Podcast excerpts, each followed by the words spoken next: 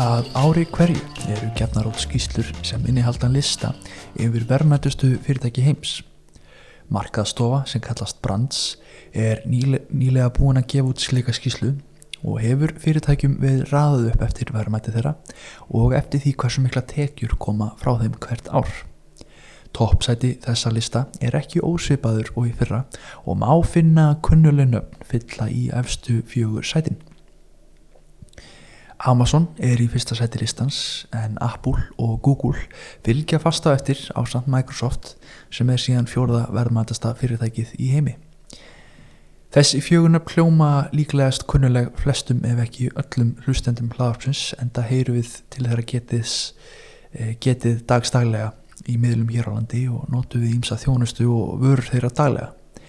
Í fymta sæti þess lista má samt finna nafn sem er flestum Íslandingum ókunnugt þó það sé einu sæti fyrir ofan Facebook, nú þekkt sem Meta eftir að forstjóri fyrirtækisins Mark Zuckerberg kynnti nafn fyrirtækisins og stefnubreitingu sangvænt þeirra þröðu þróunar síndaveruleika tækni sem nú á sér stað á netinu. Fyrirtækið sem fyllir í fymta sæti þess lista heitir Tungsun eða Tencent á ennsku og er kýmverskur internetrissi sem bókstaflega hefur tekið yfir stæsta markað heims. Þetta fyrirtæki hefur stækkað meira síðastlið ár en flest önnur fyrirtæki sem finna má á þessum lista. Til samaburðar þá hefur Amazon stækkað um 64% síðan á síðast ári sem var drauma ár hjá Amazon en Tencent hefur stækkað í næstu jafn mikið eða um 60%.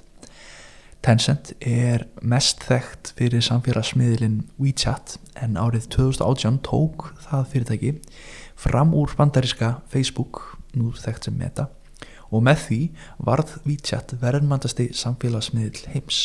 98% af hagnaði Meta kemur frá auglýsingatækjum en Tencent tók fram úr þeim án þess að vaða svo djart inn á þann markað. Til samaburðar kemur einungis 30% hagnaðar Tencent frá auglýsingatækjum en hvað með hinn 70%? Hver er ástæðan fyrir þessari röðu þróun hjá þessu ört stækandi fyrirtæki og hvað framleiði það? Ég heiti Daniel Bergmann og þú ert að hlusta á hlaðarpið í Östur vegi. Þótt að Tencent sé ekki mjög þekkt hér á Vesturlundum er það samt eitt verðmæntasta fyrirtæki heims. Samt veit flest fólk ekki hvað fyrirtæki gerir og er það líklegast vegna þess hveði einangrað internetið í Kína og markaðurinn þar getur verið. Það eru samt mjög margar ástæður til þess að kynna sér starfsemi fyrirtækisins nútíma samfélag Kína er gegn sósa af áhrifum þess og er nálast engin einstaklingur undanskilin. Í Kína er Tencent eitt af þremur stærstu tækni fyrirtækjan landsins en hinn fyrirtækin heita Baidu og Alibaba. Baidu er risastór heimur út af fyrir sig en þeir reyka stærstu leitavél kýmerska vefsins. Þeir sinna mörgum öðrum þjónustum en við förum ekki nánar út í það hér í þessum þætti. Alibaba er hvað þekktasta fyrirtækið af þessum þreymur og hafa ófáir Íslendingar stundað viðskipti við þá í gegnum vefverslununa AliExpress eða verslað vörur á gæðaprís þann 11. november en þá er einmitt dagur innleipra. 废话不多说，直接来开箱吧，好吗？这个是双十一第一波的一些东西，基本上都买的差不多了吧，七七八八。 Á þeim degi hvetja fyrirtæki einstaklinga e, til að gera vel við sig og versla sér eitthvað sniðugt og finna má afslætti hér og þar í samfélaginu. Þessi dagur var fundin upp af netversluninni Alibaba fyrir rúmum áratugið síðan og hefur smitast um allan heimsmarkaðin.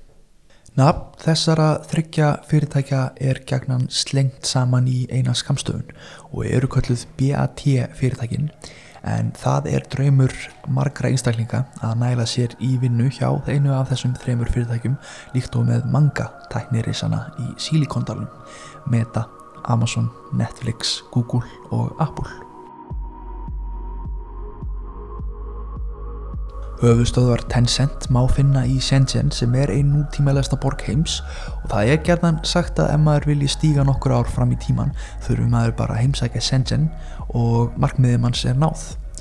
Hinnar ymsu tækninningar sem við munum sjá eftir nokkur ár á Íslandi má þegar finna þarna í dag en því miður er þróunin svo hröð að flestar uppfinningar sem finna má þar verða úreldar áður en þær komast á alþjóðlegan markað. Í þessari borg má finna aðra grúa af sprótafyrirtækjum og því samkeppnið þeirra á milli gríðarlega mikil. Húsið sem hýsir aðalstöðvar Tencent er mjög sérstök bygging sem líkist helst sjóarnút fyrir ekkar en byggingu. Byggingin er staðsett í miðju kýmverska sílikonstaðsins þar sem upplögustu tæknifyrirtækin berjast um hæfileikaríkustu einstæklingana sem tilbúinir eru að vinna umfram lögubundna vinnutíma í þáu tæknithróunar til að afreika hluti sem áður mátti bara sjá í vísindaskálskap. Stopnandi Tencent heitir Ma Huateng og er gerðan kallaður Pony Ma í fjölmiðlum. Fyrsta uppfinningin sem kom frá Tencent og sló í gegn var smáfóritið QQ sem var svo strax svo vinsælt að allir sem áttu tölvi heima á sér notuðu fóritið. QQ fór í loftið snemma árið 1999 en flestir kýmirar eiga sér QQ tölvupostfang en þann dag í dag og, verið, uh, og þetta hefur verið mest notaðast að tölvupostþjónustan síðan þá. QQ var fyrst notað til þess að stenda tölvupost og var síðar eitt af fyrstu smá skilabóða fóruðunum eins og Facebook Messenger sem flestir íslendikar nota í dag. Ponyma var svo heppin að hafa verið á réttum stað á réttum tíma og er það ein ástæðin af hverju að náðu svo miklum árangri á sínum tíma. Þegar Deng Xiaoping tók við valdastólum innan kommunistaflokksins á 8. áratök 20. aldar var Kína opnað aftur fyrir fjárfestingum að auðan. Landið var ekki opnað allt í einum rikk heldur var fyrst heimilt að fjárfesta í nokkrum völdum borgum sem kölluð voru fríverslunar svæði. Síðar opnaðist restina af landinu hægt og rólega og líkti Deng Xiaoping þessari efnahags áallin sinni við að fara hægt yfir fljót með því að þreyfa eftir steinunum. Árið 1980 var Shenzhenborg síðan gerð af fríverslunar svæði og árið 1984 flutti funn köðlinn Pónima til borgarinnar. Þegar QQ kom út var ekkert fyrirtæki að gera það sama í Kína því var tímasetningin fullkominn hjá Ponyma og félögum. Frumleiki hugmyndarinnar og tímasetning þess skipti sköpum til að koma Tencent á kortið og þöksi því hefur Tencent náða einoga markaðin algjörlega síðan þá. Til að byrja með þegar að QQ fór í loftið notaði Tencent ekki auðlýsingar til að skapa sér tekjur. Í staðin var hægt að gera sér ókipis aðgang og síðan borga fyrir auka þjónustu eins og að skreita myndina sína til þess að gera hana persónulegri og kaupa límmiða sem hægt var að senda á aðra en á þessum tíma voru emoji bróskallanir ekki eins og við þekkjum þá í dag. Þetta viðskiptaform hendaði vel fyrir kímeskan markað þar sem fólk var farið að byrja að kaupa sér hluti til þess að sína auðsinn á einnið annan hátt. Þetta var fyrsta varan frá Tencent sem fór sem stormsveipur um Kína en alls ekki svo síðasta. Á sama tíma hafði Jack Ma með fyrirtæki sitt Alibaba sett upp vefverslun þar sem fyrirtæki gáttu stund að viðskiptið sína á milli á netinu og hafa þessi tvö tækni fyrirtæki verið þau allra stæðstu síðan. WeChat var það smáfórið sem tók almenlega við af QQ en með tilkomu iPhone snjálfsímans fór það í þróun. WeChat eh, er með cirka 1,2 miljard notendur í dag og er smáfórið sem er erfitt að vera án í Kína. Weixin eins og það kallast á kímasku týðir smá skilaboð og var það megin hlutverk þess þegar það kom út árið 2011. Þetta smá fórið blandaði saman með QQ og því allir notendur sem þegar höfðu aðgang að QQ höfðu samstundis aðgang að WeChat. Síðan þróaðist það mjög rætt en þegar WeChat Pay var kynntu sögunar náði það nýjum hæðum. Með tilkomu WeChat Pay var einnig mögulegt að nýðurhala öðrum smáfórtum og nota þau innan WeChat fórtisins sem nokkur skona snjall afri. Þetta gerði Tencent kleift að losna undan öllum þeim stífu hömlunum sem tveir stærstu smáfórita markaðir heimsins settu á fyrirtæki en það eru bandarísku markaðarnir Apple Store og Play Store. Með því að nýta snjall vafra tæknina þurfti Tencent ekki að fylgja þeim reglum sem þessi markaðir settu og vegna vinsalla þessa aðferðar gerði korki Apple nýja Google nokkuð mál úr því. Í dag er WeChat kallað over app vegna þess hver upplugt það er. Tæknilega hefur Tencent náð forskoti meðal annara fyrirtæki sem reynda að hafa gert eh, svipuð upp en ekkert þeirra hefur náð því að mikilvæg fótfestu í kímensku þjóðfélagi. WeChat hefur jafnan verið kallað stýrikerfi Kína vegna þess að nánast öll samskipti og viðskipti á milli fólk svaraði gegnum appið og mikilvægi þess vegna gríðalega mikilvægt í nútíma samfélaginu. Bókanir í læknatíma, samskipti við lauruglu og stuðumælagjöld eru einnig rettað í gegnum appið og WeChat er eina leiðin fyrir kýmverst fólk á meginlandi Kína að hafa samband við ættíka sína þegar þau búa langt frá eða ellendis. Messenger, Whatsapp, Snapchat og Signal eru bandarísk smáfórið sem hafa verið bönnuð í Kína því gegnir WeChat leikil hlutverki þegar kemur að því að tengja kýmvest fólk landan á milli. Þegar Donald Trump, bandaríkjafósiti, vildi banna WeChat í Kína vegna grömsum njósnir, mætti honum upplögum mótmálarhefing kýmveskra bandaríkjamanna sem töldu WeChat svo mikilvægt verkværi til samskipta á milli landana begja. Ef WeChat væri ekki aðgengilegð í bandaríkunum er nánast engin leið til þess að eiga í þælum samskiptum á milli landana. Ef sjálfur bandaríkjafosti sem er valdamesti maður heims getur ekki stoppa smáfóritið í sínu eigin heimalandi þá hugsa ég að enginn geti gert það.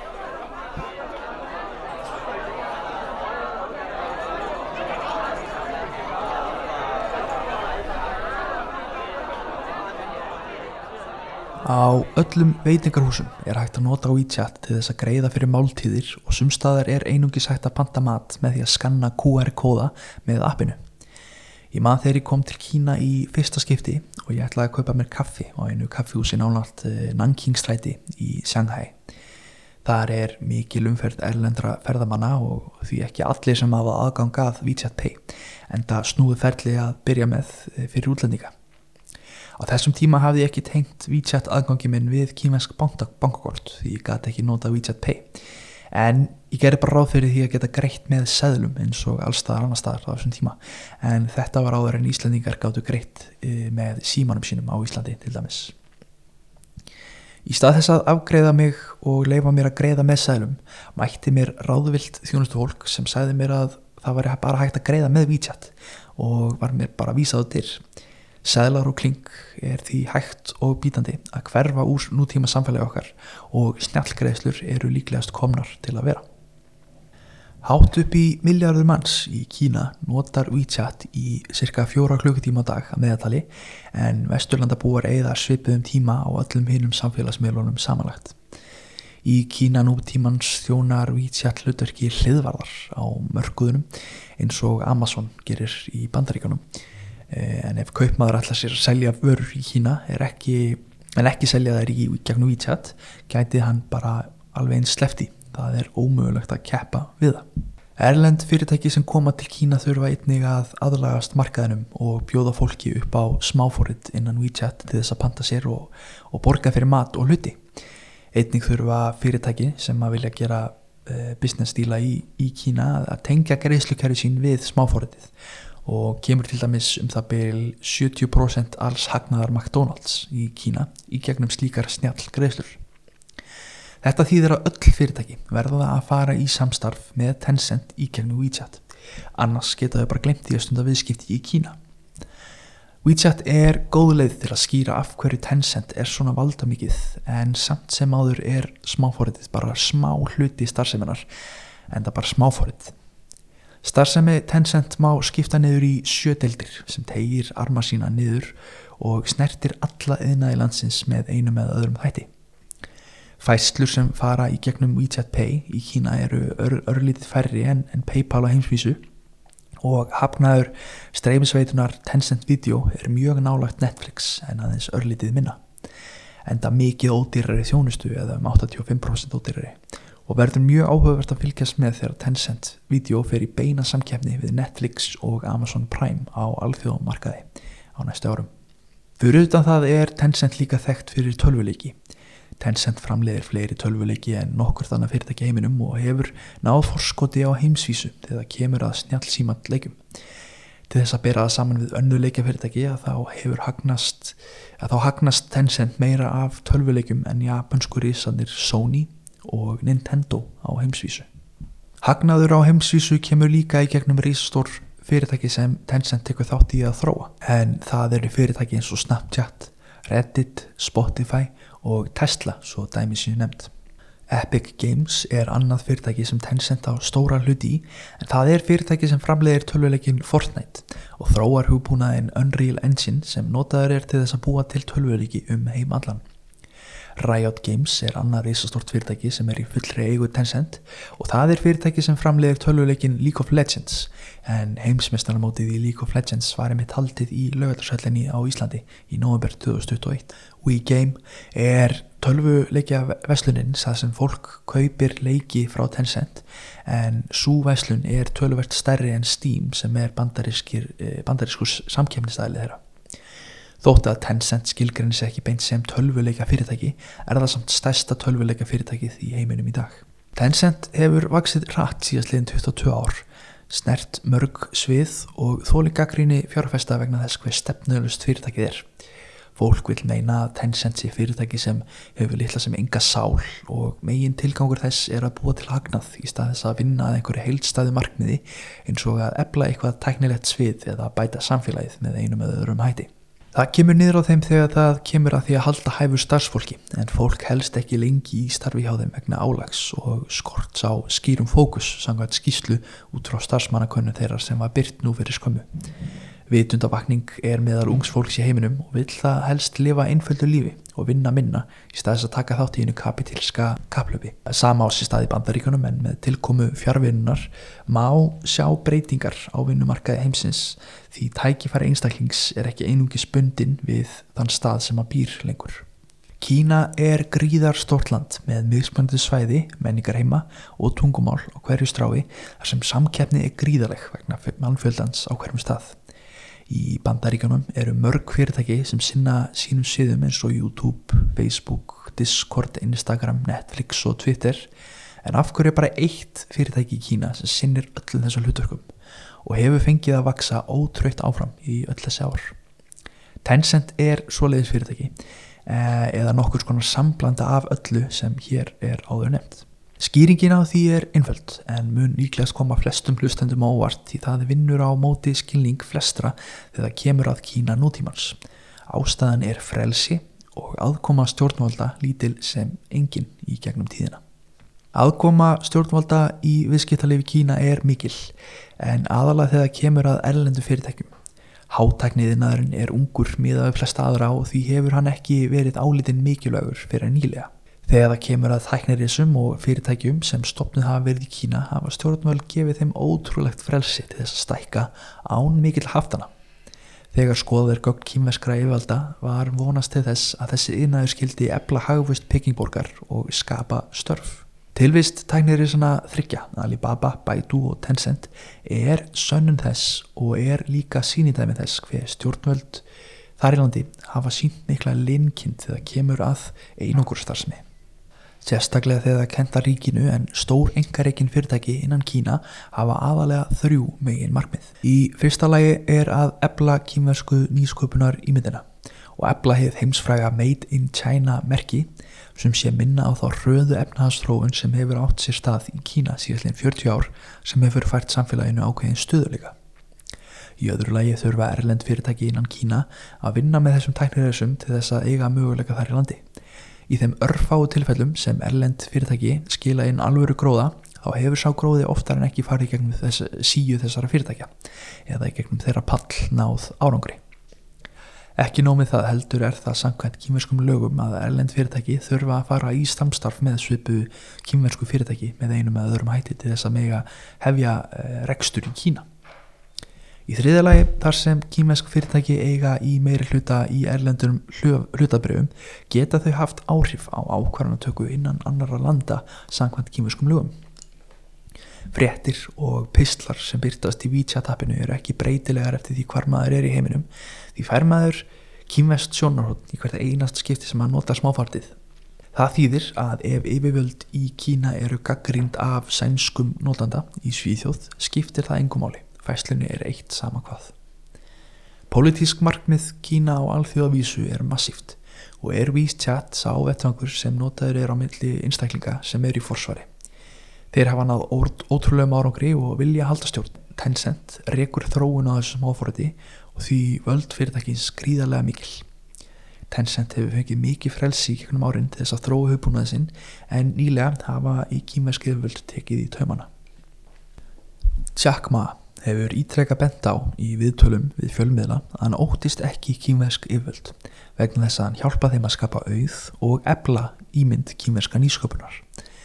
Það er ekki margir kaupmenn sem að hafa þórað að vera svo brattir en hann hefur verið virtur meðal almennings vegna reynskilni síðar. Í setni hluta ásins 2020 var kýmverskur internetrissi sektaður og var almennilega refsað í fyrsta skipti þegar yfirvöld sektuðu Alibaba kringum 3 miljard bandrækjadala fyrir að hafa ekki tilkynnti fulls nokkra viðskiptasamninga sem stutti til ennþá meiri einokun fyrirtækisins í landinu. Þetta var fyrsta af mörgum sektum sem ég vilt hafa ítrekka sett á það þinn reysuna síðan þá til þess að sporta gegn áframhaldandi einanguristarfsmið þeirra og gera markaðinn sagjaðari.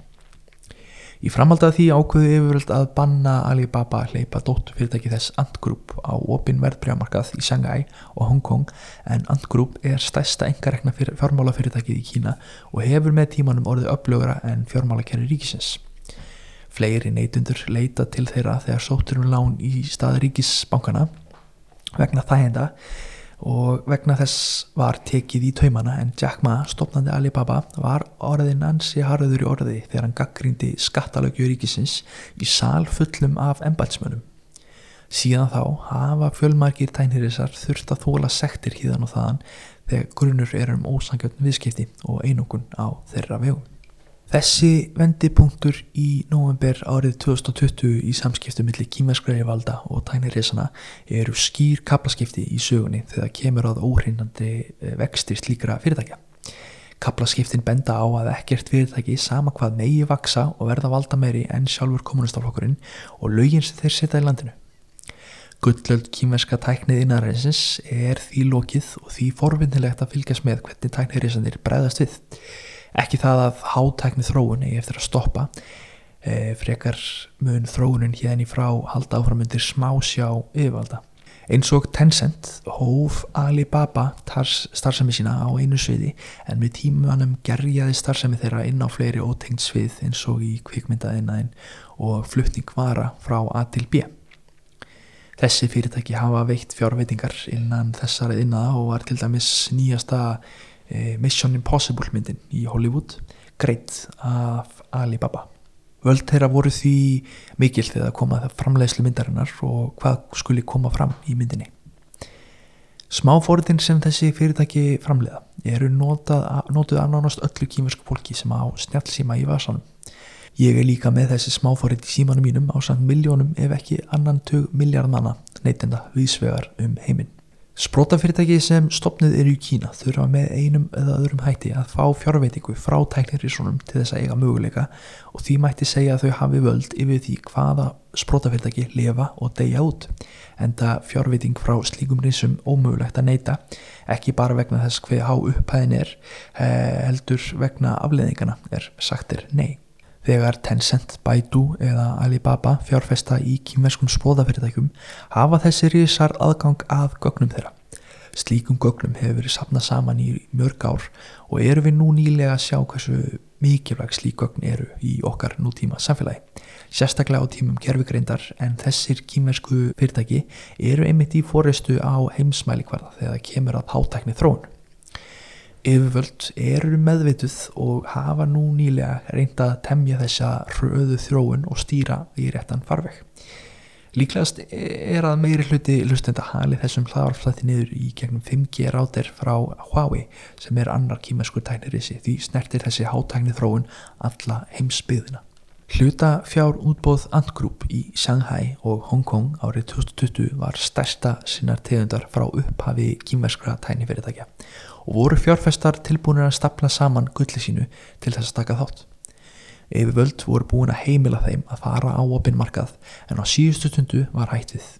35 miljardur bandaríkjadala voru á borstólum en undir lókin var ekkert úr því því gaggrinni Jack Ma sem ég myndist í ráðan eh, en í þeirri ræðu líkti hann starfsemi ríkisbankana við veðsali sem fór ekki vel í kramið á áhröndunum sem voru mestmægnis þeir sem að réðu hvernig hlutunum var hátað. Ant Group býður upp á svipaða þjónustu og ríkisbankanir gegnum smáfóritið Alipay sem svipar til WeChat Pay en með því er hægt að greiða fyrir þjónustu, sækja um fastegnalón og kaupa hlutabrif svo dæmi séu nefnd. Það þýðir að Ant Group er í beitni samkeppni við ríkið en það fer ekki vel í þá sem eru auðvöld vegna þess að bankanir þurfa að fylgja ströngum reglum sem Ant Group hefur losna við vegna þess hver stafræns eðlis og nýmóðins það er. Nýlega lög hafa þrýst á fyrirtækið og sé til þess að það starfi meira eins og ríkisbankanir e, til þess að það mingi einókunar starfsemi sína. Ponyma, Jack Ma og fyrirtækið þeirra hafa líka fjárfæst mikið í miðlum sem hafa mikið vægi innan Kína sem utan. South China Morning Post er til dæmis í 100% í eigu Alibaba. Samfélagsmiðlinn Weibo, Itai eru aðrir vinsalir miðlar innan Kína og viðar er í 30% eigu Alibaba. Því eru skoðanir fólks og það sem fréttist frá Kína í þeirra höndum. Yfirvöld hafa því veð að fylgjast náið með þeim félögum og þeim miðlum sem þeir stjórna. Jack Ma hefur gegnum tíðina fallið vel í kramið á almenningi í Kína og hefur hann alltaf náða að berjast fyrir málstað litlamannsins eins og hann orðar að sjálfur. Hann taldi sig alltaf að vera nokkuð svona rebell sem að ótaðist ekki hvað yfirvöld höfðu að segja. Hann dróði samt í hlið eftir að hluta fjárútbóð Antgrúp fjall úr skorðum og byrtist ekki fyrir tveimur mánum síðar þar sem að tóttnans hafði breyst til muna. Í samaburði við gaggrinni sína á skattaeyföld og bankakerfið fór hann að tala á mun hóvarari hátt. Hann talaði mun meira um eh, gróðgerastar sem er frekar en að yppa gogg og láta í sér heyra að kannski fellur þetta betur í kramið á yfirvöldum sem vilja að miljaramaringar eins og hann gefi meira til samfélagsins, fjárfesti í sveitum landsins og eigða fátækt frekar en að kveita til frekar samkjæfni innan tæknikerans. Það er verið að fylla í hólur lagakjörðisins þar sem þurfti og nútímavæða eftir hátækni þróun heimsins því er erfiðara fyrir stopnandur fyrirtækja að vaksa og einunga markaði líkt og Tencent, Alibaba og Baidu hafa fengið að gera síðastlegin 20 ár. Þróunin er samt ennþá á fullri ferð og spennandi verður að fylgjast með hvernig hátæknin fær að gerjast í framtíðinni.